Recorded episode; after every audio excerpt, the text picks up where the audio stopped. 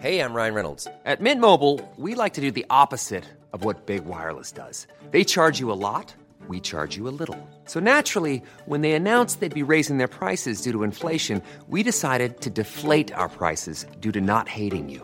That's right. We're cutting the price of Mint Unlimited from $30 a month to just $15 a month. Give it a try at mintmobile.com slash switch. $45 upfront for three months plus taxes and fees. Promo rate for new customers for limited time. Unlimited more than 40 gigabytes per month. Slows. Full terms at mintmobile.com. There's never been a faster or easier way to start your weight loss journey than with PlushCare.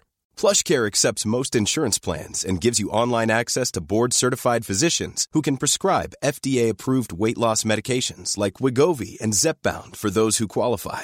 Take charge of your health and speak with a board-certified physician about a weight loss plan that's right for you. Get started today at plushcare.com slash weight loss. That's plushcare.com slash weight loss. plushcare.com slash weight loss.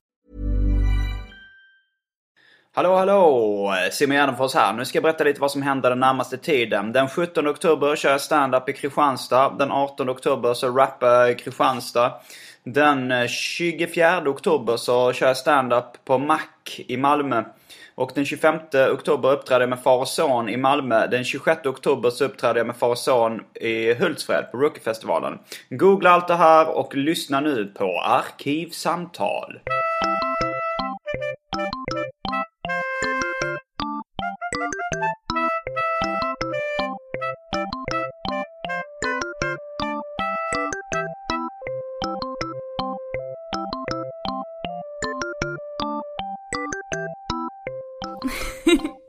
Hej och välkomna till Arkivsamtal.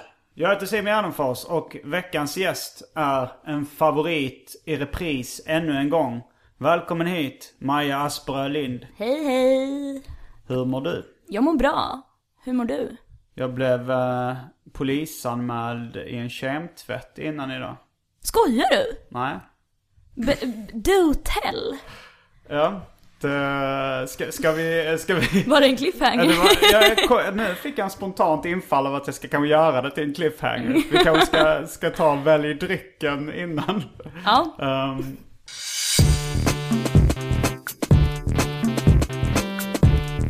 jag tror vi börjar med det fasta inslaget. Välj drycken! Så att vi har något att smutta på. As we speak. Det, det var fel använt av uttrycket as we speak. det var det verkligen. Men jag använder det i alla fall. Eh, jag har varit eh, inte hemma så jättemycket så det är väldigt mycket, min kyl är väldigt uh, mycket ungkarlskyl. Är det gamla grejer eller? Ja. Uh, Oatly havremjölk gick ut 24 augusti. Mm. Apelsinjuice gick ut 30 augusti. Mellanmjölk. Bäst före 29 september.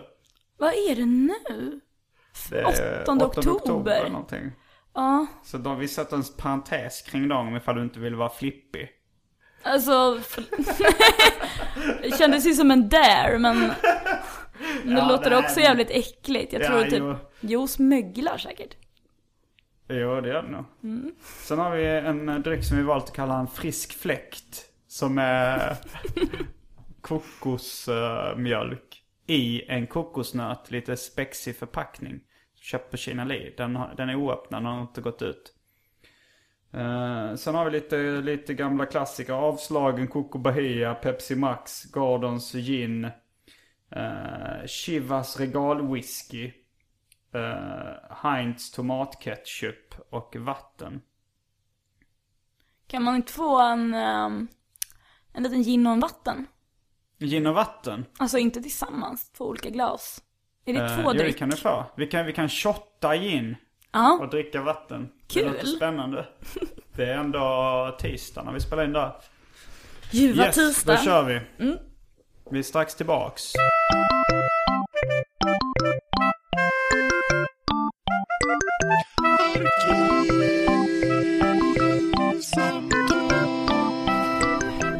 Tillbaks. Det fanns så lite eh, gin så att Maja fick all och jag tog lite whisky istället. Mm, det ser ut som en ganska lika. rejäl shot ändå. Ja, det kan man nog säga. Kanske en, eh, en sexa. Ja, ja, ja, jo, strax under. Om man, som man får dem på baren, det vill säga att man misstänker att det är strax under. Ja. det sitter i miss, missnöjet. Då tar vi en liten, eh, en liten eh, shot innan jag berättar om varför jag blev polisanmäld i en kemtvätt idag. Vi tar hela då eller? Ja, ska vi göra det? Det är nästan det roligaste. Ja, det är bäst. Okej. Botten upp. Mm.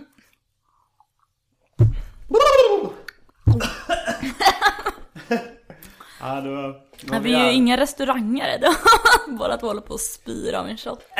Vad sa, inga restauranger? Ja men det är så restaurangbranschen, jag har fått lära mig det här nu att det är, man är ju så jävla häftig om man kan supa. Aha. Att man skjuter ut sig. Alltså då står man och proffssuper.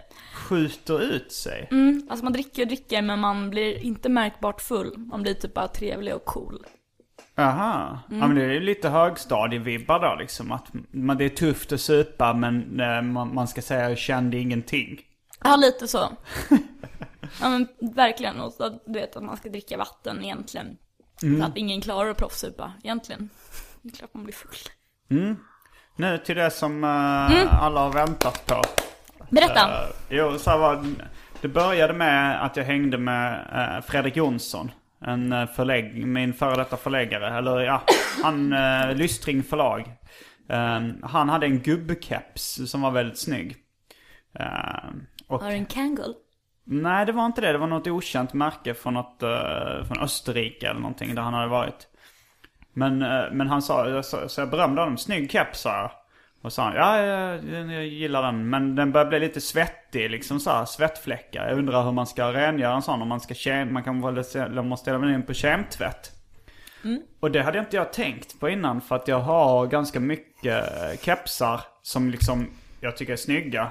Både gubbkepsar och vanliga. Speciellt vanliga kepsar som får lite liksom svettfläckar på skärmen och sånt där. En inflikare, bytte inte du till gubbkeps när du fyllde något visst år? Ja, jag tänkte nog att jag skulle, alltså jag fick väl lite av en 30-årskris. Och så tänkte jag nu är det patetiskt att ha um, ungdomskeps.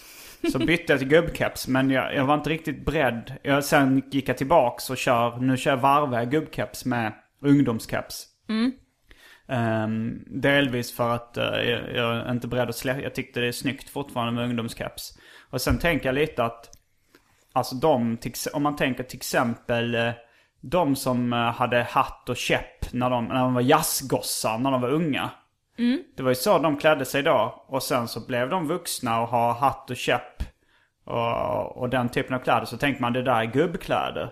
Men så tänkte jag om det kanske eh, dagens kepsen. bebisar nu kommer att tänka så här att eh, kapuschongtröja och, och, och, och sån här liksom snapback-keps. Det kanske kommer vara så, ja, men det är så som gubbar har.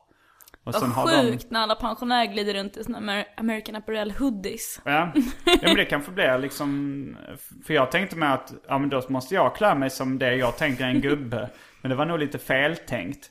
Men samtidigt är det ju, är det ju modernt med gubbkeps också så att... eh, ja.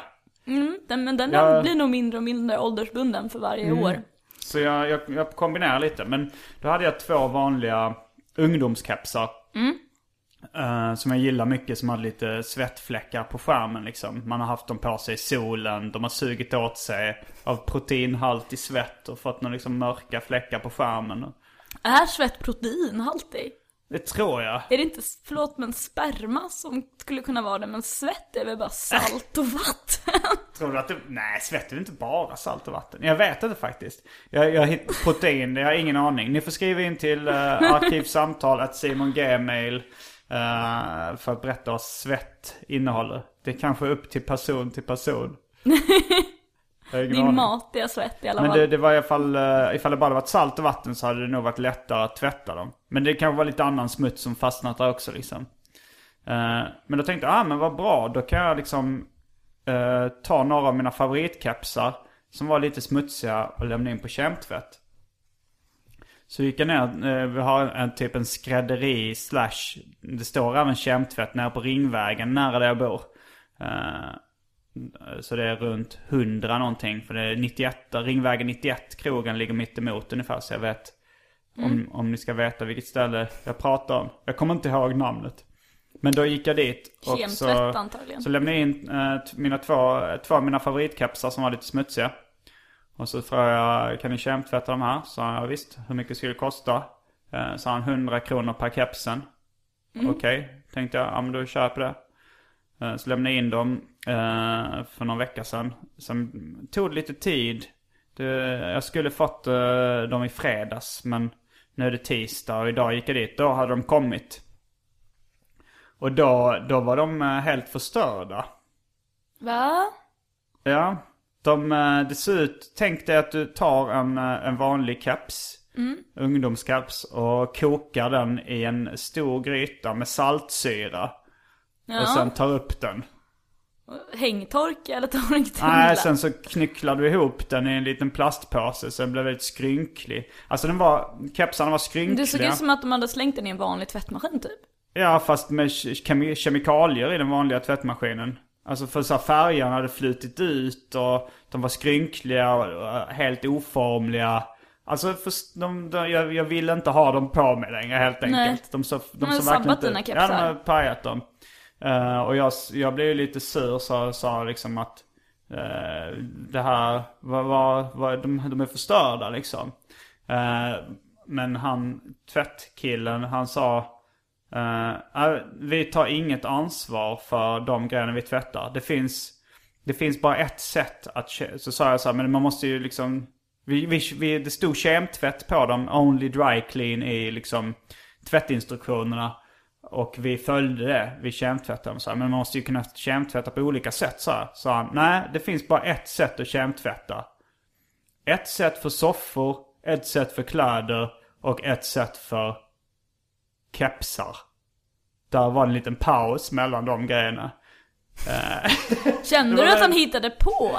Allt eftersom? det var också de där tre olika sätten han nämnde. Det var ju, det var ju, det kom ju direkt efter han sa att det bara finns ett sätt. Ja. Och det kändes väldigt... Men jag blev liksom sur. Men jag, jag såg ju de här kepsarna, de har jag köpt utomlands. Eh, och så jag kan inte få tag på dem igen. Och de har säkert utgått, de har utgått ur sortimentet också. Så att liksom, grejen var att jag ville ju bara liksom få dem rena. Och nu så är de, de är bortom all räddning. Jag kommer aldrig kunna använda dem igen. Nej. Så jag, jag gav ju upp hoppet. Så jag bara, äh. Jaha, ni har förstört dem. Ja, då, och jag orkar liksom inte försöka be dem ersätta kepsarna eller någonting. Oj! Eh. Var inte ens det? Nej men jag- alltså jag har inte så jätteont om pengar. Och liksom om jag hade fått 500 spänn per keps eller vad de var värda så hade det inte... Hade jag inte liksom, jag förstod ju hans darrande överläpp antydde ju att han började bli upprörd och liksom tänkte... Alltså hans, han, han sa ju att jag skulle betala de 200 kronorna som jag var skyldig honom. För han sa att han hade gjort vad de, vad de hade blivit ombedda att göra. Ja. Och då sa jag, nej jag tänker inte betala, eh, betala någonting. Nej. Och då, då höll han hårt i kepsarna och sa att du kommer inte få någonting. Jag kommer polisanmäla dig om inte du betalar. Eh, och då tänkte jag, okej då får vi... Alltså så här, polisen kommer ju inte eh, ta upp Nej, det är ju eh, 200 väldigt- kronors keps-fallet. Som det nu rubriceras i ditt Så, huvud. eh, och jag orkar ju inte ens stå kvar och vänta på hans telefonsamtal. Men han ringde då polisen med det jag var i... Ringde han 112 tror du? Ingen aning. Jag vet inte ens om han... Alltså det finns, det finns ju faktiskt en möjlighet att han bara... Eh, jag vet inte vad han ringde till. Men Nej. jag gick därifrån i alla fall. Men det jobbiga är att jag går förbi där varje dag. Eh, den, och det är liksom ett öppet skyltfönster. Jag kommer ju säkert träffa honom och han blir ju jättearg. Eh, Men han mig. såg väl också att kepsarna var förstörda? Ja men han tyckte, eh, nej, han, han sa så här, vi kan pressa dem åt dig. Men jag förstod att det gick ju inte att rädda de kepsarna liksom. Nej. De var förstörda och, eh, och han, enligt honom så, så, så, fan, så var ju en kemtvätt tydligen bara att man tvättar dem med någon sorts kemikalie. Gud vad stressigt, så nu har du en... eh, är du ostraffad sen tidigare? Jag är tidigare ostraffad faktiskt. Jag, har, jag har fått ett uh, åtals... Kommer du få en mild dom? Jag har fått åtalsunderlåtelse för egenmäktigt förfarande. Vet du vad det är? Och tystnaden som la det, sig. ja, det var när jag var... Jag kommer inte ihåg hur gammal jag var. Jag tror jag var eh, mellan eh, 15 och 18 i alla fall. För jag, kommer, jag var straffmyndig. Men jag, jag bodde fortfarande hemma eh, hos mina föräldrar. Och så var det eh, en nyårsafton när... jag, jag kan vara 16 eller 17 eller någonting. Och så var det, jag och några kompisar firade nyårsafton på Stortorget i Lund. Och så var vi packade och så stod en brandbil där. Eh, och då... Vi var så himla 16 år gamla helt enkelt. Ja, jo, visst. Då, och då gick jag in i den brandbilen och satte mig där. Och tryckte på en knapp. Tänk dig Dennis i en tecknad film. Ja, ja men så tryck inte på den här knappen, knappen. Ja, ungefär. Och då eh, gjorde jag det. Och så satte alarmet igång. så började den tjuta och blinka så här. Eh, och sen eh, då blev jag lite nervös. Så gick jag ut från brandbilen och då blev jag gripen av en polis tror jag. Ja. Eller typ en brand, brandbilspersonal. En brandman. Jag kommer inte ihåg vilket det var. Men de höll fast mig och jag, jag var inte speciellt bråkig utan bara... eh, De frågade liksom, ja där, vad, vad har du gjort? Och då förklarade jag att jag hade satt mig där och Tryck på knappen. tryckt på knappen. Frågade varför gjorde du det? Nej jag vet inte, jag fick ett ryck. Ungefär så. Du fick ett tryck. Ett rycket. ja. Eh, och då så, ja Sam, då, då får du vänta här tills polisen kommer. Så okej. Då började min kompisar bråka så här, så här och när polisen kom och liksom, han har inte gjort något fel tyckte de. Eh, Kompisar och- som skälper. Ja, nej men det var min kompis hamnade ju tyvärr i fyllecell då. Mm. Han blev nerbrottad av de poliser. Uh, medan jag... Och då blev- skulle de free simma. Ja, något sånt. Eh, det var ju väldigt gulligt av honom. Alltså så här, jag, jag, jag blev glad att han försökte det. Men det var ju, det, det blev ju jobbigt så här. Jag visste inte riktigt. Ska jag, ska jag sympatisitta i fyllecellen? Jag, jag blev dessutom förhörd just då i en annan polisbil. Men jag var mer så här, jag uppgav mitt personnummer och sa, berätta vad jag hade gjort och så. här. Och sen blev jag släppt. Och så kunde jag fortsätta fira nyår. Ja. Och så, så gick det några månader. de skjutsade inte ens hem dig? Nej, det var, jag, jag, var ju, jag var ju liksom lugn och, Ja, jag fattar. och, de, och de sa så här till mig att eh, du kommer förmodligen bli, eh, du kommer bli polisanmäld, sa de. Vi vet inte för vilket brott ännu. Men för någonting. Något hade du gjort. Och sen så gick jag hem och så tänkte jag inte så mycket mer på det. Och sen efter några månader tänkte jag att de har förmodligen bara skitit i det. Eftersom det inte har hänt något. Sen typ kanske nio månader senare någonting så fick jag ett brev hem. Där det står eh, du har blivit anmäld för egenmäktigt förfarande. Och det jobbiga där var ju då att jag bodde hemma hos mina föräldrar och var inte 18 ännu. Så jag var liksom förpliktigad att tala om det för dem.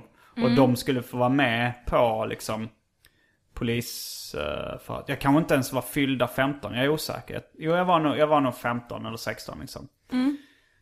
Så det var ju det jobbiga liksom att få berätta hela det här att jag hade satt mig i en brandbil och tryckt på en knapp. Och så här, och de- deras besvikna miner.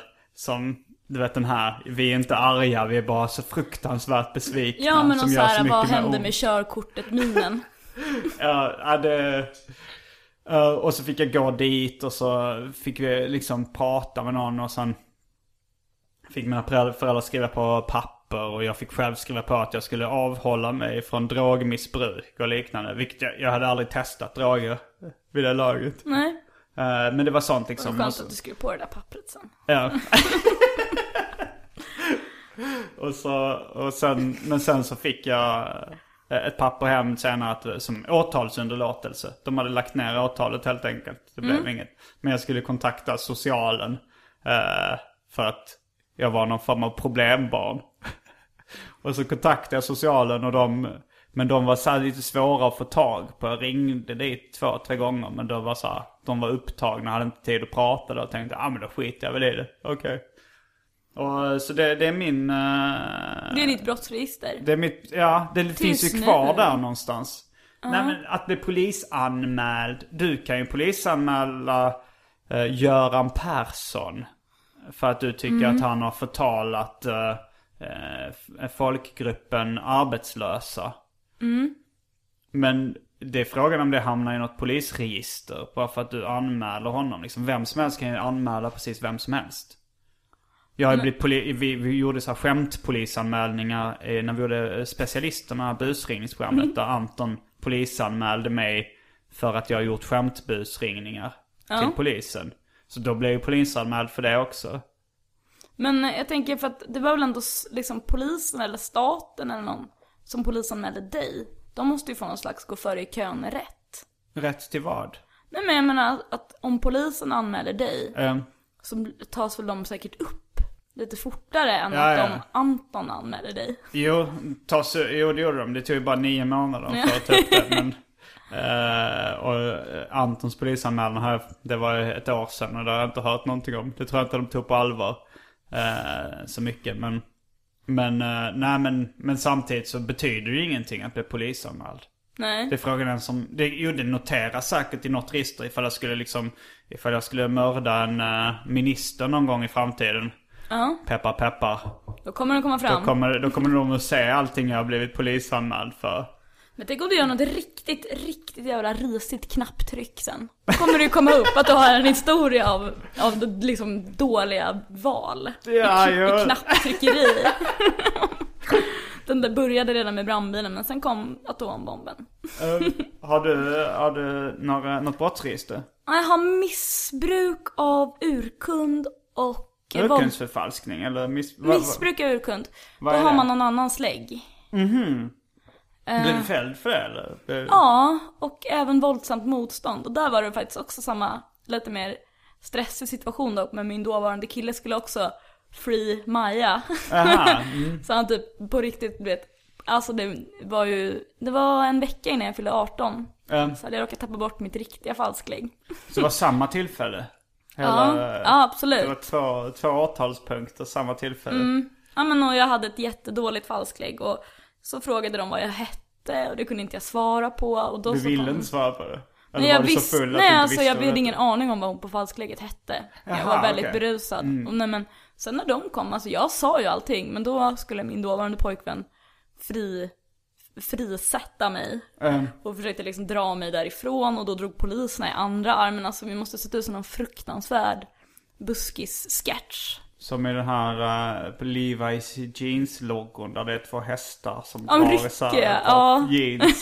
Fast det är du i mitten. Ja precis, någon läskig tortyrmetod. Nej, Drawn and quartered eller vad det kallas. Heter det det? Jag tror det är när man, man blir fastbunden i, alltså hästar i, i var- varje lem och så ska de liksom springa, så skrämmer man dem som springer åt varsitt håll. Ja, ja, så kändes det inte riktigt. Men, men, men eh, vad var det våldsamma motståndet från din Nej men sida? det var att, att liksom att han gjorde det. För han blev ju Mm. fälld för någonting annat. Typ att han försökte eh, rädda sin polare liksom. Mm. Men jag, jag betalade 2000 kronor i böter och sa att Mm. jag verkligen hade gjort det där, för det hade jag ju. Men då är du tidigare straffad alltså? Men jag är inte det, för det var inget straff. Vi, vi ringde och straff? Men vi ringde och kollade, det var inget så jag Mm. fick ingen prick eller något sånt. Jag, jag, alltså vad jag har hört så är prickar i polisregistret en myt.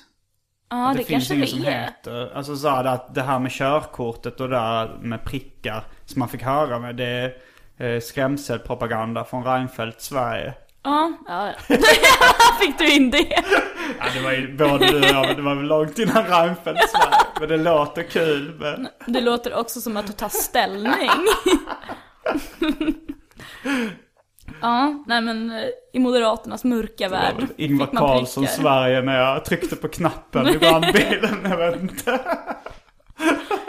Men de reagerade ändå. Ja, De sa- satte den foten. Nej, inte foten också.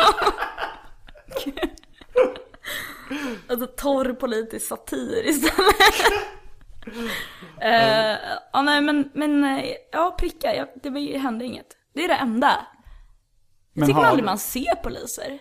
Ser poliser på stan? Alltså man ser ju poliser i demonstrationssammanhang och sådär. Vid Medborgarplatsen Där där, vid. Maxigrillen. Där, det var väl så en av Sveriges mest kriminellt belastade områden en gång i tiden.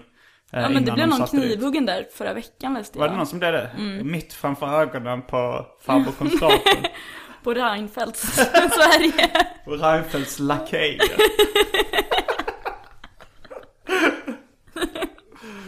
Jag såg dock en kille bli skjuten eh, på Möllevångstorget. eh, Såg du det? När jag var 19, ja. Hur, Hur läskigt var inte det? Det var rätt obehagligt faktiskt. Alltså, det, det är lite en, ett töcken. Nu vet jag inte exakt vad töcken betyder. En dimma liksom. För att det blev lite det här, saker och ting blir lite surrealistiska när man är med om någonting eh, extremt. Men som jag minns det så var det så att jag var i, i min lägenhet på Möllevångstorget. Eh, jag bodde med Kalle Törn då, men eh, han var inte hemma. Och så hörde jag ett skrik. Och så var det liksom... Det, det här var typ 1997 tror jag. När Möllevångstorget precis i början på sin gentrifieringsprocess. Ja. Så det var liksom 50-50? väldigt... Nej, mycket mindre. Det var, jag tror att 90% var beroende av bidrag, sa de. Vi, vi gick också på SOS då. Eh, och de, då sa de att 90% i, i den uh, Möllevångsregionen gick på, eh, var beroende av bidrag då. Det var i och för sig, men, men det var mycket yrkeskriminella och, och sådär. Eh, som, som hängde där. Det var innan... Liksom, Det blev nice att vara där. Ja. Det var ju rätt roligt där i alla fall. Förutom, förutom att det var... Men det var mest så interna uppgörelser. Jag tror till och med det här var mellan en far och en son. Fick vi höra sen. Oj, det kanske har färgat dig mer än vad du tror. Men, eh, men då fattade det som att någon hade blivit så knivhuggen. ja. Det de här, den här liksom mitt, min ögonvittnesberättelse har blivit lite färgad av det jag läst i massmedia efteråt. Du kan kalla mig Lisbeth Palme om du vill. Men, Ska eh, överväga det. Det skulle i alla fall aldrig ha hänt i eh, Palmes Sverige. Det ser man vem som är alkoholisten och så vidare. Men, eh, nej men då så hörde jag ett skrik och så kollade jag ut så var det någon som hade blivit knivhuggen. Ja. Var på den knivhuggne tog upp en pistol och sköt den andra i benet. Fan vad äckligt att se. Ja. Och det var, blev en tumult och typ eh, folk började, jag tror folk drog isär dem typ. Och det var någon som liksom lyfte upp en cykel och så här hotade med att slänga en cykel in i klungan. Vadå av de två? Nej, det blev, det blev liksom, det var mitt, det var mitt på dagen. Det var typ 12, mitt under torghandeln på Möllevångstorget. Ehm, och sen tror jag det kom bilar och körde iväg dem. Men jag blev ganska rädd när jag liksom såg skottlossningen. Och gömde mig under ett skrivbord i lägenheten. Och försökte ringa eh, 112. Men det var, det var upptaget och när jag väl kom fram så sa de att ganska många hade ringt och anmält det. Det var, fanns ju väldigt mycket vittnen. Och sen, och sen var det, jag snackade med David Liljemark då som tror jag typ kollade upp det på text-tv. Det här var innan internets genomslag. så kollade upp på text-tv och läste om det så att då, jag tror se- senare folk hörde att det var typ en, en intern uppgörelse mellan en far och en son. Säkert i någon kr- kriminell organisation också. Fan vad jobbigt. Mm. Men är det det vålds, våldsammaste du har sett? Ja det är det nog. Alltså så här, det var ju ingen som dog då vad jag vet. Men sen var det någon som blev mördad på andra sidan gatan då när vi bodde på Simrishamnsvägen. På natten. Men då, eh, men det såg jag inte eller hörde inte utan bara typ Var det samma läste om. uppgörelse? Vad sa du? Var det samma... Nej, det Var det var, men det, alltså det var ju, när vi flyttade dit, det var, det var då 97, det var jag, jag kände inte till Möllevångstorget som begrepp så mycket innan dess.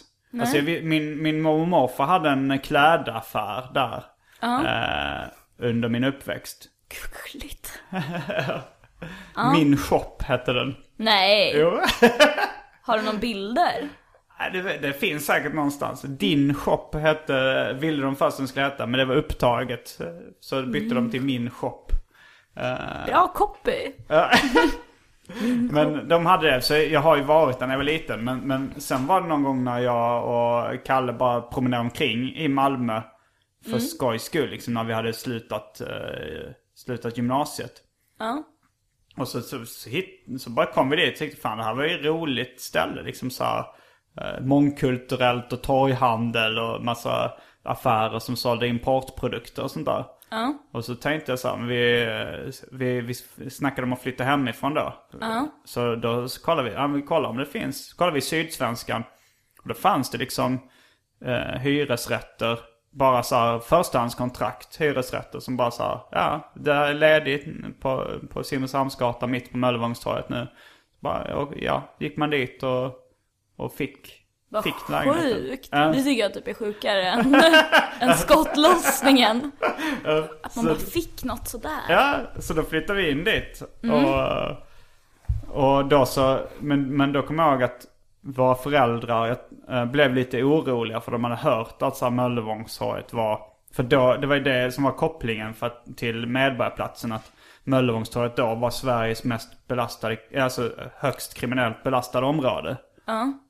Eh, Så att jag, eh, jag tror det var Kalles mamma som ringde till närpolisen och frågade så är det verkligen tryggt för två ungdomar att flytta Aj, in där? åh, jag tycker så mycket om din mamma. Det var, det var Kalle Törns mamma. Jaha, förlåt. Ann-Helén Nej, jag tycker väldigt mycket om Törn. din mamma också.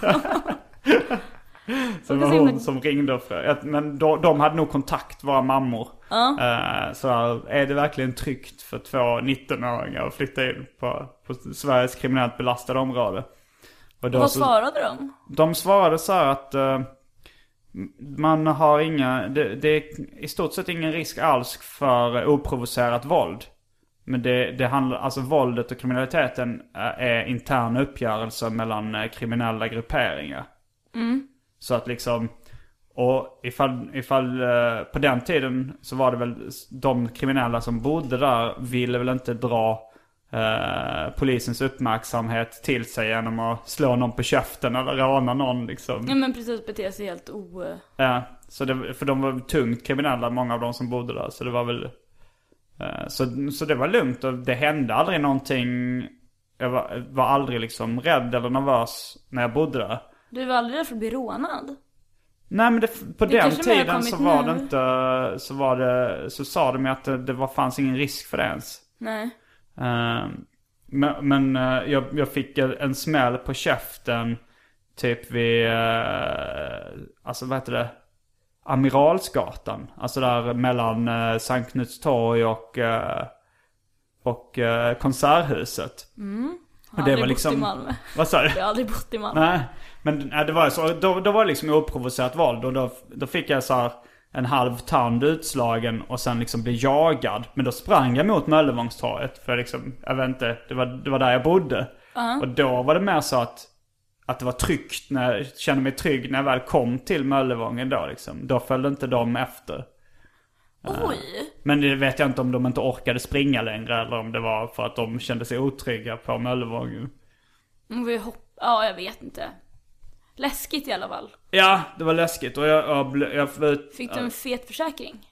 Nej, just då hade jag nog inte... Då tänkte jag inte på att man kunde få det. Nej. Så det, det fick jag inte. Och... eh, Tänder slå ganska högt annars. ja, men då var, det, då var det Kalle Törns pappa som är tandläkare som lagade tanden åt mig. Så jag hade ju tur där. Det är ändå så gulligt att ni lyckades upprätthålla någon form av idyll där på mellan. Ja, men så de ringer och kollar och så är det säkert och så får du tanden utslagen och så lagar den. Ja men det var ju, det var ju faktiskt inte Möllevångstorgets fel att min tand rök. Det var, det var. Amiralsgatan. Ja. Ja, Mm, ja, det, det är hårda bud eh, idag. när du var 19. Ja, nej, men även idag när jag blev polisanmäld och fick två kepsar förstörda. Det är ju inte heller... Nej, nej, nej, det är en... Man märker ju att det hårdnar till nu. Reinfeldt, Sverige. Men vad, vad osoft. Men har, alltså tror du du kommer bli polisanmäld? Alltså de kommer ju inte ta upp det. Alltså så här, det är ganska liten risk att dels han fullfölj, satt i den här telefonkön till polisen. Alltså man ringer inte Mm, är 112. segt. Man ringer inte 112 när någon, eh, när någon inte betalar sin kemtvättsräkning på 200 kronor som han tyckte var, jag var skyldig.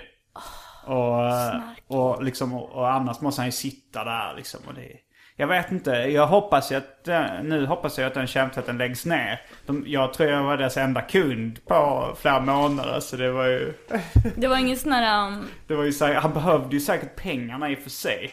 Men, men det är ju, det, jag vet inte hur fan han har överlevt. Jag har aldrig sett någon gå in eller ut där förutom jag. nej. Eh, och det, Nej men man förstår inte, alltså Många små butiker, man förstår ju inte hur de överlever. nej, det gör man verkligen inte. Jag tror det är många som, många som lever på sin partner. Aha. Nice tänkte jag, men det Ja är det men ju så inte. någon, en, ens partner jobbar och har ett välbetalt jobb. Då kan man ha en liten butik som typ kanske i stort sett går runt. Eller uh, går med lite back. Kanske även om man har väldigt rika föräldrar. Eller liksom har ett arv och in, inga så här kreativa intressen. Men vadå, det finns väl ingen som startar en kemtvätt då? Nej, det låter lite tråkigt. Och jag bara jag vet inte. pallar inte jag eh, starta kemtvätt? Men kanske så här, tänk ifall- om man har eh, en rik partner, hyfsat rik liksom. Och så, och så han kanske har jobbat då som kemtvättare eh, hela livet. Och sen så startar han en ny som går dåligt. Och, och som knappt går runt. Nej, i och för sig ska man lägga ner den då och bli arbetslös. Han kanske tycker det är skönare att bara hänga kvar där i sin skrädderi slash kemtvätt. Men jag har hört att, att kemtvättare är ju väl bara ett, en skylt och sen så skickar de det till något centralt kemtvätteri. Så var det nog. Men det, bor, det, alltså det känns ju nästan tryggare än att vem som helst får så här pudra kemikalier på saker och säga att det är rent. men, men det är fortfarande knappt att de sabbar dina kepsar. Jag tycker att du, nej jag tycker inte du ska dra det vidare alls. Nej, det, det, tycker det, jag vill inte spendera tid på det. Men det känns, men jag gillade på ett sätt att gå till kemtvätten för det kändes så amerikanskt. Som så här, känns som Seinfeld eller eh, American Psycho eller något sånt utspelar sig mycket på kemtvättar också. Ja, det finns väl någon slags, jag ser någon eh, sådär eh, fördomsfull att den ska vara kinesisk. Ja men det är nog i USA är det nog kineser som, som, har håller i mycket kemtvättar. Men Det finns ju något, Seinfeld-avsnitt som utspelar sig på en kinesisk. Och i American Psycho var det också kinesiska kemtvättar. Och i Räddningspatrullen. Vad är räddnings... Det var en serie när jag var liten Var med... det tecknad? Ja, Piff och Puff och Ja, ja, ja, ja. Och... Jag såg lite på den faktiskt eh, hemma hos Agro i Göteborg. Han hade spelat in. Mm. Det eh, finns på tecknad Netflix film. nu. Ja, jag, jag var nog lite för gammal när Räddningspatrullen kom. Jag tyckte aldrig det var så jättebra. Men det, kan... Nej, jag har ju verkligen det där skimret. Men det är den melodin. Här kommer Piff och Puff. Är på gång nu. Eller något sånt där. Varje gång. eh. Jag ska inte försöka sjunga den. Det kommer, kommer låta för jävligt. Ja, jag har bara, jag bara blandar ihop DuckTales och Ja, Räddningspatrullen nu. Ankliv som det hette. vid något Jag tror det var TV3 hette det eh, Ankliv och på någon annan kanal hette det... Ja, det gick nog på... Knattar hette det på någon kanal och Ankliv på... Nej det var nog Knattar på TV3 och Ankliv på SVT. Det är jättekonstigt. Att de hade olika översättning. Vad hade du kallat det? Ankliv. Ja, jo vad fan, det är väl bäst. Ja det var, det var det jag växte upp med. Jag lämnade in grejer på kemtvätt för första gången i mitt liv. Jag kände mig också förbannat cool. Amerikansk. Mm, Lika men med cool. vuxen. Ja, i och för sig. Mm. förutseende. Men när jag, alltså när jag fick tillbaka dem, det rann ju av liksom. Den här stoltheten ganska fort. Men, Jaha, det var nog det här. Det var väl bra gjort av mig att jag betalade pengar för att någon annan ska tvätta min jacka. apropå vuxen så var det liksom på, på bokmässan så var jag på... Ja, du var där! Ja. Var det vilt? Det var det, inte speciellt för min del. Vart bodde du? Eh, hos Agro och hos Björn Ahlén. Först en natt hos Björn Ahlén, sen bodde jag hos Agro. Och det var liksom efter ordfrontmiddagen så hade jag så ätit en god middag och så var det så här snack om så här, ska, folk, ska man gå vidare? Ska folk gå till park eller ska man gå till typ kolikfesten eller några olika... Snacket. Ja, snacket var man ska gå. Men jag var så här, eh, sa, nej, jag tror, för Agro var hemma. Jag tänkte så här, "Nej, jag, jag drar nog hem i god tid och sover hos Agro. Och då var det ju, då var det mycket snack som där, oj vad, vad du har blivit vuxen Simon. Som går hem och så, ja det kan, kanske jag har liksom.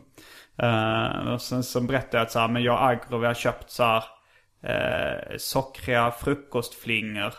Eh, med färgglada. Det var någon Fruit Loops kopia. Att vi skulle kolla på tecknad film på morgonen. Och då sa jag Mats, du har inte blivit vuxen. Du har blivit ett barn.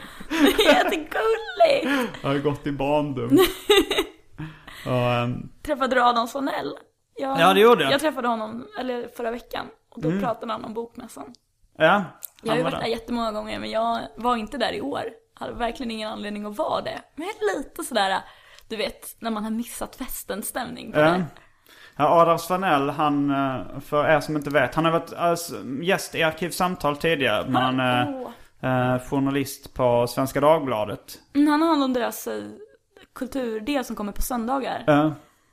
Roligt och- jobb. Och det blev en liten, en liten eh, grej där. För Pelle Josefsson, en annan kompis, han var också med på, eh, på bokmässan och festade. Och när jag, jag signerade några böcker åt några fans. Och då var eh, Leif Pagrotsky där i närheten. Och stod typ vid det bordet. Och då tog Pelle ett foto på mig. Så det såg ut som att jag signerade böcker åt Leif Pagrotsky. Ja. Paggan som man så skämtsamt brukar kallas. Och då så eh, visade, då, då tror jag Pelle instagrammade det fotot. Jag Och- såg det. Och Adam Svanell han var så här, åh men uh, skick, mejla det till mig. Eh, för jag håller på med typ eh, Svenska Dagbladets, uh, Live-uppdatering. ja, men deras blogg liksom, Bokmässan-blogg. Och så sa och han, han ställde frågan så wow, alltså var det verkligen, var det Pagrotsky liksom? Ja, uh, jag jag. Den lilla... Ja, jag ljög ja. Och, och Pelle sa ingenting. Eh, och sen så sa jag, sen så liksom när Adam hade gått därifrån så sa jag till Pelle så ja men mejla nu till Adam så kommer han lägga upp det på Svenska Dagbladet-laget. Men då, då fick eh, Pelle Josefsson dåligt samvete och sa nej jag vill inte göra det. det han, Vadå, han har också blivit vuxen? Det där är ju typiskt. Pelle-prank annars. Ja, ja, jo alltså han, han var ju med och lurade alla men han tyckte, jag tror han har en respekt för etablerad massmedia. Han tyckte när det var SvD-bloggen då kände han nej det här. Nej, han kan inte tramsa till Nej, det. han ville inte skicka den. Nej. Eh, och då så kände jag, men de, för, för vi sa ju så här, fick e-mail, jag fick e-mailadressen liksom, jag skulle skicka den till av Adam och så här, ja vi skickar den nu. Eh, så då kände jag, till slut måste, kände jag att vi måste erkänna. jag var tvungen att erkänna att jag hade ljugit. Så mycket känslor i det här ändå. Jo, det blev, det, det blev ju uppförstått. Och då, och då försökte jag först få det till sådär att det var ju för sig jag som hade ljugit. Men Pelle, han hade stått bredvid och inte hade sagt någonting när jag ljugit. Och det är lika dåligt. Så jag försökte övertala Pelle att vi var lika goda kålsupare. Och att vi skulle erkänna tillsammans. Hur, eh, hur gick det? Jag tror att Pelle tyckte att den, den usla förklaringen var ganska rolig. På ett eh, ironiskt sätt. ja, att, du och att han, att han fick kalla fötter när du bara mejla då, mejla då, kom igen. Men Ja. den här, den här med, med att jag drog fram den gamla hem och skola-lögnen om att, att inte säga något, då är man lika dålig som den. Men jag brukar tänka på den ibland. Den passar ju i vissa situationer. Det är ju inte lika dåligt. Ifall Nej, det är klart att det inte är det. sämre om du går fram och ger någon en örfil och jag står bredvid och inte säger åt dig. Då är det ju mycket sämre av dig som ger örfilen till, till någon liksom. Fast alltså om man tycker att någon är taskig mot en Ja. och så har man en kompis som kanske är lika mycket kompis med båda. Som inte reagerar eller som Jo det är ju liksom- taskigt att inte ja. reagera men det är mer taskigt att vara den som tar initiativet till någonting fruktansvärt. Ja, jo det är det ju, såklart. Men jag, men jag tyckte det var så roligt att liksom spela på den här gamla dagislögnen. Det är lika, det var lika dåligt. Och att jag var förövaren och försökte få det att vara lika dåligt av Pelle. Men Adam han, eh, eh, han blev inte arg. Nej, jag kan Han tänka, sa- tänka mig det. Han sa bara något i stil med Man ska aldrig granska källan på en tillräckligt bra story. Eller något sånt där. Sa han då skämtsamt måste jag tillägga för att vi, inte han ska förlora jobbet. Ja, jo men också så kan jag väl tänka att ni ändå eh, höll liksom, det känns ju som att det var ni som var ändå riddarna liksom i den här moraliska tvisten att Adam skulle kanske ha postat den. Ja men Det han, var ju ifall en vi sa det, för han frågade liksom. oss var det den riktiga? Han frågade ändå liksom var det? Och jag sa ja. Eh, så att han, men han ville ju inte posta det. Men jag sa granska aldrig källan och så sa jag så här, ah, men då kan du posta det nu. Så han, nej men nu vet jag ju att det var Ja. fake, då kan jag inte göra det. Men ändå att man kan tänka att den här livebloggen inte var supervälbesökt kanske, eller i alla fall. Ja men tänk ifall jag hade signerat böcker av Leif Pagrotsky. Tänk vad tittarsiffrorna hade skjutit i höjden. Rusat ja. Ett ja. klickmonster från helvete. Är det en vedertagen term? Ja, Aftonbladet. eh, Klickmonster, det är bra. Jaha, fast syftar de på sin egen bilaga då? Det, det är väl oftast eh, där det brukar stå. Eller inte, nej men så här, på deras hemsida så står det så här klickmonstret bla bla bla. Så ska man, ska man själv då, om man- ser att någonting har blivit ett klickmonster så vill man, ska man själv bli mer sugen på att eh, Ja, klicka jag själv. Men det har inget att göra med att deras bilaga heter Klick. Det har jag inte tänkt på. Men jag tror att klick, det handlar mer om kameralinsen klick. Att det var paparazzi-foton. Aha, för jag tänker att det var ett, alltså ett musklick. Men deras ett bilaga är ju inte online. Utan det var ju en... Jo, jag tror att Klick är... Men det var, det var en papperstidning i alla fall från början. Aftonbladet Ja, absolut. Jag har ingen aning. Vad är ett klickmonster egentligen? Du har aldrig hört ett klickmonster? Nej, jag tänker, för jag sållade in det direkt i samma liksom folla som like-raket. Like-raket, är det ett etablerat begrepp? Ja, det tror jag. Ja. Det, det är vedertaget. Det tror jag att nästan vad, mina föräldrar... och det innebär liksom att man, nå- någonting man postar någonting likes. för att... Och så blir det, vet man så här, det här kommer... Nu kommer likesen gå i höjden. Eh, har du, vilken är din största like-raket på Insta eller Facebook? Oj! Jo men jag har några riktiga såna där. Jag har inte, jag har väl liksom halv... Jag hade en förut en Instagram som dog. Mm. Men jag tror att det mesta var så här 120 likes kanske. Mm. Eh, jag ska försöka komma ihåg vad det var. Mitt största like-raket, ja. like, klickmonster. Eller vad skulle du först säga? Nej nej, nej jag kommer inte komma ihåg vad det är. Men berätta vad din är. Du lär ju ha så sjukt mycket följare. Ja, 3350 ungefär. På Instagram? Ja, Helvete! tyckte du det var mycket? Ja, jag tyckte det var mycket. Ja, men min, eh, mm, där njöt jag lite. Okej, men vad, och vad toppade? Jag tror den som toppade var när jag provade eh, originaldräkten från Björnes magasin. Vadå, det stod i den där... Ja, Jag, jag, jag tog på Tupsade. huvudet och så tog jag på min keps då med ett S på eller ett G. Och sen så hade jag liksom mina vanliga kläder så man kunde ändå se att det var en blandning mellan mig och Björne i Björnes magasin. Den fick eh, över 600 likes eh, på Instagram. Hur mådde du då? Mådde du bra? Ja, Ja. det... ja men vi, jag gillar ju bilden också liksom. man- Ja, jag har inte sett den. Nu, nu det ska Ja, jag nu- klicka på sen. Klickmonstra mig vidare. Jag var på, på besök på ett tv-produktionsbolag som då hade den dräkten där. Jag tror den skulle användas i Kristallengalan eller något sånt där. Så det var därför jag fick möjlighet att testa den. Men, men eh, björnedräkten, det var många som undrade om den luktade äckligt. eh, Men, eh, men det märkte jag inte. Man kanske hade sprayat den med någon bakteriedödande spray eller någonting inuti. Kanske skickat den på kemtvätt. Jag vet inte, alltså så här, ryktades inte om att Jörgen Lantz hade grava alkoholproblem? Jo. det gjorde det absolut. Ja. Det, det måste ju vara rätt lätt att vara packad i en sån dräkt liksom. Man behöver inte se dem. pratar ju lite så bebisröst också. Ja. Rödsprängda ögon och, eh, alltså så här stanken. Men, eh, men det, det är ju ett slappt förtal som jag har gjort till en standard här i Och i refererar Aktuellt till, jo men jag, det, det- jag har ju också hört det. Kanske från dig och för sig. Men det känns som att det, Nej, jag tror inte jag har sagt det. kan det inte finnas något klipp då? Där han är packad. Han, hur ser man det då? Att han trillar? Nej men snarare att klippet heter Björne. Björn är packad. Jo, det finns ju säkert något klipp som heter det. Men det, det känns som uh, vad, vad klipp på, på YouTube är döpta till brukar inte vara vedertagen fakta. Nej det är faktiskt helt sant. Kollade du på Björne när du var liten? Mm, jättemycket. För jag var lite för gammal för Björne. Jag kommer ihåg i låg eller mellanstadiet när jag kom till skolan en gång. Så var det några som uh, vek ett papper och drack ur det. Och, och då så var det liksom, det hade de lärt sig på Björnes magasin. Och då kommer jag ihåg att jag tyckte, åh vad töntigt att kolla på Björnes magasin fortfarande. Ja. Ja, Men jag är väl eh, precis kanske då så mycket yngre än dig att, att jag tyckte att det var nice. men finns, vem är barnens favorit nu? Finns det någon ny utklädd person? Eller är det? Gud, alltså jag tycker att eh, barnprogram generellt verkar ju väldigt splittrade. Man har ju ingen koll eftersom man varken är eller har barn. Eller Nej. med man menar jag du och jag. Men, Ja.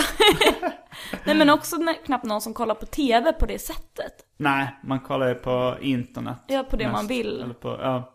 Man, det är inte ofta man laddar ner det senaste barnprogrammet. Nej precis. Ifall, jo, det gjorde i och för sig jag och Agro. Nej, det var nog inspelat på VHS till och med. Vi sa He-Man och lite annat. Ja men vi, det hade man ju. Men det var väl i samma veva som man också tittade på. Alltså kvart över sex. Ja, vad då? Det var barnprogram. Mm. halv, halv fem och halv sex var nog när jag var liten faktiskt. Va? Ja, jag kom från en annan generation. Det var, de sa så här, eh, det var en röst som sa Kom nu då. Var det ett barn som skrek i, i kör. Och så var det någon som sa Vadå? Barnprogram i TV2. Gud det låter sjukt bekant. Jag måste också och ha min haft VHS brorsa, han, brukar, han brukade spexa till det när han var i, i femårsåldern. Mm. Kanske sex, jag vet inte. Jag, jag minns ju det här, så jag, och han är två år äldre. Så att om han var fem var jag bara tre. Jag minns att han brukade springa ut ur rummet. Och så skrek de från tv då, kom nu då. Och så skrek han, vadå? Var programmet TV2? Så rusade och så han in. sprang han in. Det är gjorde det. jättefint. Ja. Men jag trodde att det var kvart över sex och jag tror, för du också Det har... kanske ändrades sen. Men halv fem och halv sex minns jag som uh, barnprogramstiderna från när jag var liten. Mm. Jag hörde att det fanns något vedertaget att det lågs då också. Du vet att föräldrarna passade på. Ja, Bolibompa-sexet har jag Ja, hört om i precis. dagens... Uh, det, Bolibompa finns väl kvar, eller finns det? Ja, jo men det gör det. Det var ju den draken. Som Ja, det står ja. så gipsdrake nere Ja, på draken SVT. kanske är den nya björnen Mm, jag tror det. Jag tycker fan den är rätt gullig. Finns fulare barnprogramsmonster. Jag kan inte komma på något fulare just nu. Jo men vad typ Ren och Stinky eller Stimpy? Ren and Stimpy, det var ju tecknad film. Det kollar vi för övrigt på hos Agri också. Är inte det Cartoon Network? Det kanske var Någon Nickelodeon. sån här, ja någon Nickelodeon med någon sån här ja. Men de är. De är, skrikkanal. men de... Nu tycker jag... Men tog jag i där? Ja, jo, jag gillar Nickelodeon och Cartoon Network. Men, eh, men de var ju tecknade. Ja, Eh, du kan men jag inte tror att blanda in tecknade Bolibompa-draken program. är tecknad nu. Ja det är den kanske, tror inte det? Ja det är den kanske, bara. Det kanske inte finns, det är säkert någon jävel som klär ut sig till Bolibompa-dragen på Alltså events då och och då, dylikt. absolut. Men, eh, men, men ett tag så var det ju över hela världen hade en björn. Uh, nej men uh, alltså jag, min familj bodde ett kort tag i Australien. Då hade de en björn som hette Humphrey. Som var lite som Björne. Och det var samtida med Björne i Sverige. Och på dansk tv så fanns det Bamse. Som var en gul björn Babsy. Bamse. Av, alltså han var Bamse och Kylling. Bamse var en gul stor björn och Kylling var en kyckling. Alltså som ser ut ungefär som Big Bird i Sesame Street om du vet vilken det är. Men Lite lik Pippi Pelikan också va? Pippi Pelikan var väl inte gul? Nej hon var lila. Ja. Hon har, hon har Birdie. Hette han Birdie. Nej, vad hette han? Barney. Nej men han gula kycklingen. Kylling? Ja, Kylling. Kylling? Kylling och Big Bird. Nej men, uh, Bamse. Det var... Och det var skittråkigt. Det hette Bamses bilderbok. Så började med att han öppnade en bilderbok och man fattade inte så jättemycket danska och det var så extremt segt tempo. Och jag, min kompis eh, Henrik Edvinsson, eh, som jag gick i samma skola som, han berättade om att, eh, att när han såg Bamse i tidningen, alltså det står så här, klockan eh, 16.00, Bamse. Då gick han och slå på tvn för han trodde det var den svenska tecknade Bamse, världens starkaste björn. Och då började han gråta när han fick se Bamse. Åh fan det fattar man. Usch vilket antiklimax. Ja, jag kände en, en djup inre sorg bara. Det kom inga tårar. Jag var för, för jag bara satt och, och kände mig ledsen när det var Bamse. Det var verkligen skittråkigt. Det låter tråkigt danska också. Det är ju jätteläskigt när man är barn. Ja, jag fick ju vänja mig lite med vid danska eftersom eh, vi hade dansk tv då. Så, och sen min mormor är från Danmark. Men TV3 var väl så här äh, skandinaviskt ett tag också? Ja, det var det. De hade ju, var det inte Skurt som hade keps med olika flaggorna från olika länder? Jo, det var det. eh, Och det måste jag berätta någon gång att jag provläste till att bli sån här Nickelodeon barnprogramsröst. Ja, det tror jag du har berättat. Att jag fick provläsa som dammtuss. Vad använder du för röst som dammtuss? Jag ska prata så här typ. Alltså det skulle vara en gullig, du vet, brudig jävla dammtuss som var såhär nej killar lugna vara- ner er. Skulle det vara hes röst så att det lät som det var lite så astmatisk. Nej. Det blir lite, lite tor- ska man säga tårta på tårta? Nej, men en ja. dammtuss med astmatiker. Allergisk mot sig själv. Mm. Men du fick inte jobbet? Nej, men de la ner den studion sen typ i samma veva. Mm. Så jag brukar tänka att det var därför jag inte gjorde karriär som Ja, dammtuss. det. Om det är någon som hör Maja nu så får ni gärna ge henne jobb som röstskådis till tecknade barnfilmer. Mm. Eh, om du vill ha det alltså.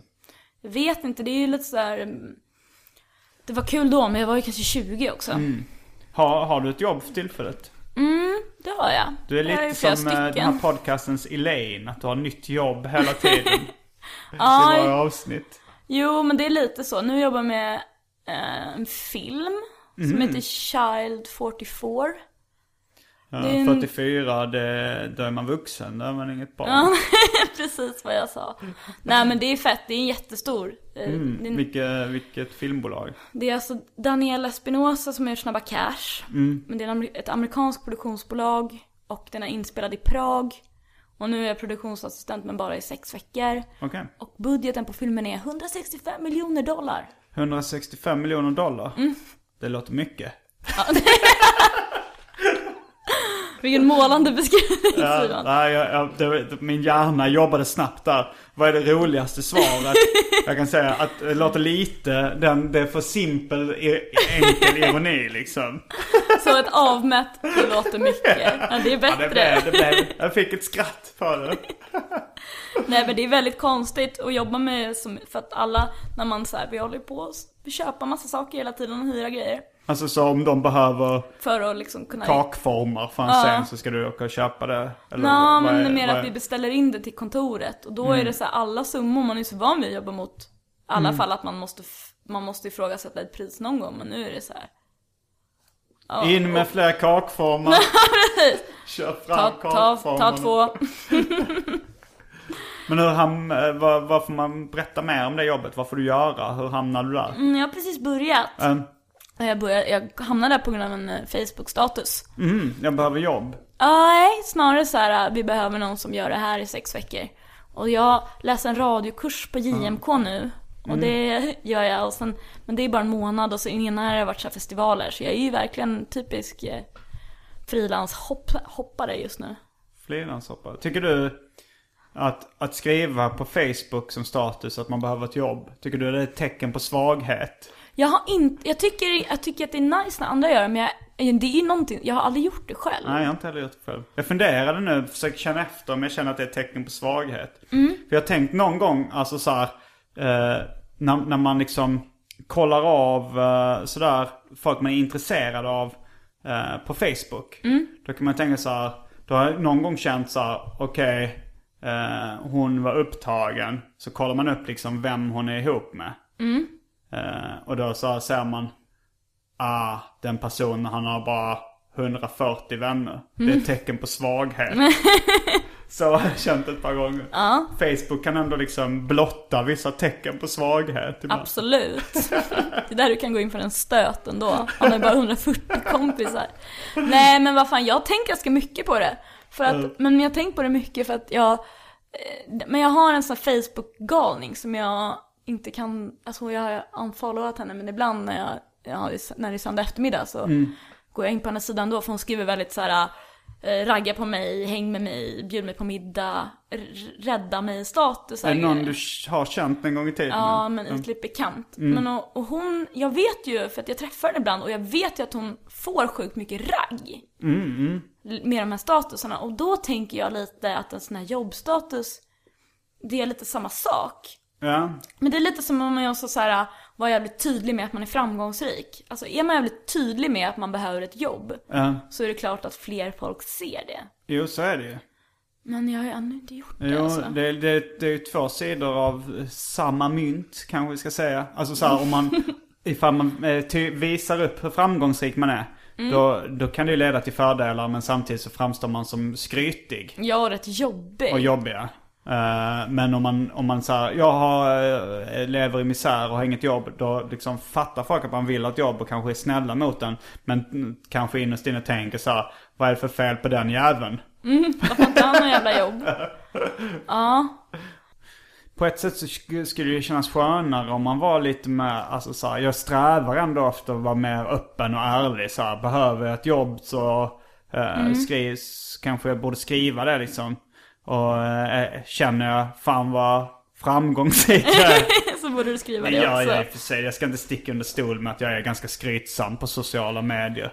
Eh, Nej, du, ja, illustration. du hamnar ju absolut inte högst upp liksom. Eh, nej, jag, jag är inte kanske den... Jag vet inte. Jag är Nej, men det är väl det oprovocerat skryt. När det är liksom, när man bara, nu är den här människan här igen. Vet inte ens vem det är, men jag vet att det går jävligt bra. Ja, jo. Ja, det, det finns ju eh, nivåer i helvetet. Jag hade väl... Uh, juryn är fortfarande ute. Sankte Per ifall jag skulle bli insläppt. De står och pratar om det just nu. Nej, det var lite väl många framgångsbloggande där.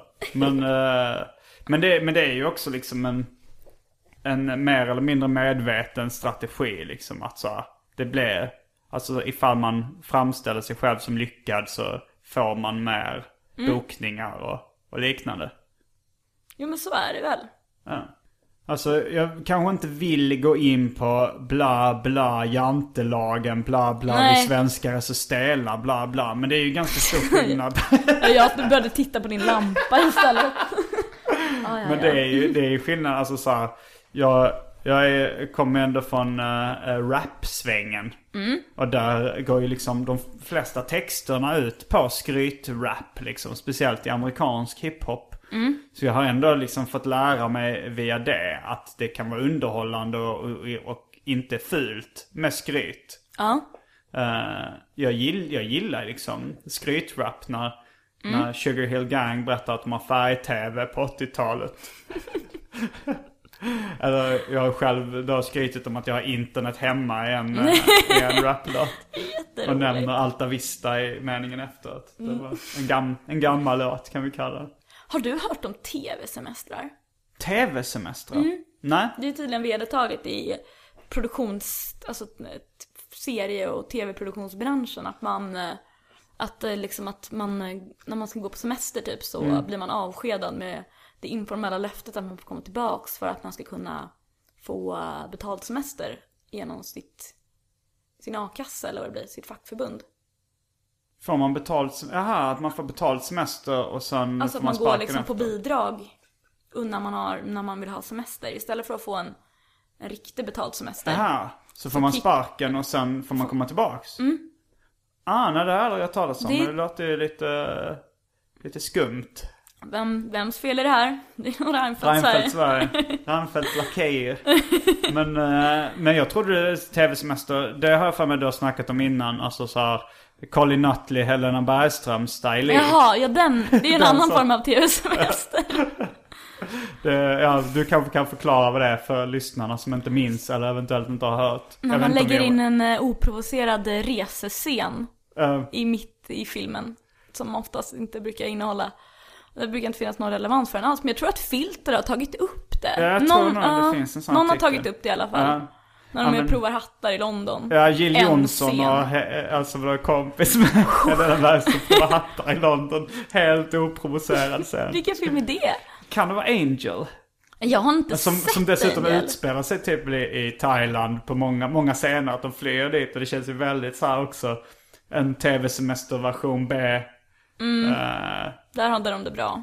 eh, Teamet. men det är, är- det är en must see picture, Angel. Men det är då när eh, hon är någon slags avdankad. Och Alltså- Rolf Lassgård är manager. Ja, Ro- Rolf Lassgård, Helena Bergström och Patrik Wolf och några till har ett band. Alltså de är rockstjärnor. Och de, de spelar så otroligt otrovärdiga som rockstjärnor. Eh, de är liksom... Ja, du kan ju tänka dig, de står och rockar på scenen med elgitarrer och pannband och så här. Alltså det är ju liksom, det är någonting som stiger över ens egen fantasi. Nej men det är ju det. Hur mycket, vad jag än skulle liksom skulle vilja tänka fram i så här. Mm. Det här skulle vara kul om det hände. Ja, Så gjorde de någonting mycket värre. det gjorde de verkligen. Och, sen, och sen så ska då Helena Bergström eh, fejka sin egen död för att försäljningssiffrorna ska skjuta i höjden. Och sen så, så frågar de, jag tror det är någon i sammanhanget som ifrågasätter det.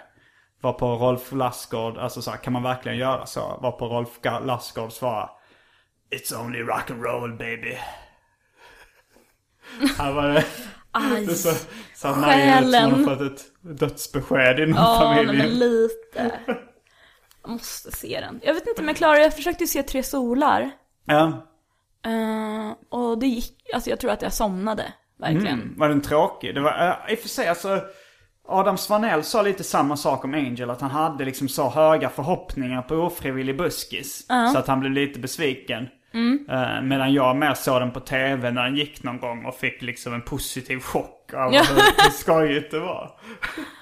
Ja, nej men jag, vi hade när jag var nattklubbschef där på Spybar så hade vi en Mm. klubb som hette Tre Solar. Som såklart bara var eh, ren och skär ironi liksom, Mm. rakt igenom. Men då projicerade vi den under hela kvällen. Mm. Och alltså det är ju, det är ju ett mästerverk i liksom den kalkongenren verkligen. Eh, Alltså Micke Persbrandt är det där ett långt hår liksom, och så rider på en häst. Det är ju Ja, det är roligt i sig. Ja, Men, eh, jätteroligt. nej, jag har faktiskt inte heller sett den. Men jag tror att det kommer någonting lik... Jag får mig att jag hörde något... Men det är väl om det här vuxna Jönssonligan? Har du sett den? Vuxna, alltså nu låter det ju konstigt. Det var först vuxna Jönssonligan, sen kom... Är du, tycker du att barn Jönssonligan är, du, är, Är det- originalet? Nej, nej, så ung jag inte. nej men nu kommer ju, alltså Snabba Cash, Gangster. De ska göra en allvarlig Jönssonligan. Jaha! Jaha! Vilken är Det, vad de ska göra en, en mörk Jönssonligan? Fan det låter ändå, alltså det hade ju varit kul att se om de lyckas göra det. Alltså tänk dig verkligen en sån här snaffig scen när de, när man liksom, när de dödat någon och... Ja, ja, ja, ja. Det, vi, det finns ju gangsterfilmer med, Mm. ja men... De ska, alltså det tänkte jag på eh, gangsterfilmer. eh, Att i många gangsterfilmer så, så får, som i Sopranos till exempel, det är ju en tv-serie men. Eh, att de får gräva sin egen grav under pistolhot. Varför vill man, varför går man med på att göra det? Det är så här, om en, det är ju uppenbarligen för att de ska skjuta en sen. Varför? Det är ju jobbigt att gräva. Då hade jag bara sagt, ja men skjut mig direkt nu för ni gräva själva. Men vadå, om man tänker på alla de där scenerna när folk har grävt ner i en grav så händer det ju ofta något som gör att de inte alls behöver hoppa i den. Nej, det, det, det är ju ett dramaturgiskt knep för att liksom vinna tid, att det ska bli mer spänning. Men jag menar, det känns ju lite ologiskt att, eh, att någon uh, bara såhär, nu gräv, gräv en grav här ute i skogen. Och så antingen så, så tänker man ju såhär, okej, eh, jag kommer komma un... Om jag då gör som de säger så dödar de inte mig. Nej. Men då har jag ju grävt helt i onödan. Eller så... Ja, det, jag vet inte om det är ett moment 22 eller vad det går under för det. Ja, För nej, mindfuck moment där, men- 23. Ja. Eh, jag tycker man får se så jävla mycket äckliga grejer. Alltså jag förstår vad du menar men det är ju också, man fattar vadå liksom. Man vill ju inte dö. Man Nej, drar det är ju kanske lätt ut för på mig att det. säga. Alltså, så att om jag någon här, om, Jag har svårt någon att se att, du liksom, att det är din här- slapphet som tar emot där. Ja, om någon... eh, Nej, byt ämne nu Simon. Jag visste inte att det var ett känsligt ämne. Gräva sin egen grav under dödshot. Men Jag har ju, min, jag har ju aldrig, alltså min smärttröskel är ju jättelåg. Jag har aldrig gjort mig illa. Nej. Nej alltså jag har aldrig gjort mig illa. Så jag, allt som är lite, att, att man ska göra sig illa är ju asjobbigt. Själv har jag brutit benet fyra gånger. Det var allt för den här veckan. det var det här allt för den här veckans arkivsamtal. Uh, Kul jag, att vara här. jag heter Simon Gärdenfors. Jag heter Maja Asperlind. Fullbordat samtal.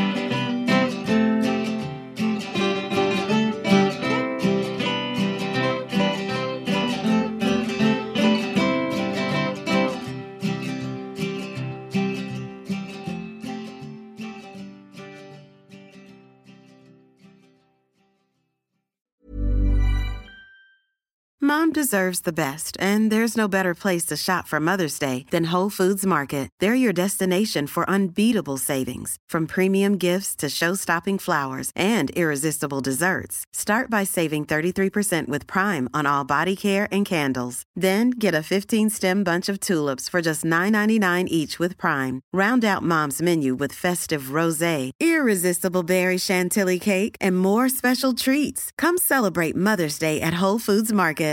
Planning for your next trip? Elevate your travel style with Quince. Quince has all the jet setting essentials you'll want for your next getaway, like European linen, premium luggage options, buttery soft Italian leather bags, and so much more. And is all priced at 50 to 80% less than similar brands. Plus, Quince only works with factories that use safe and ethical manufacturing practices. Pack your bags with high-quality essentials you'll be wearing for vacations to come with Quince. Go to quince.com/pack for free shipping and 365-day returns.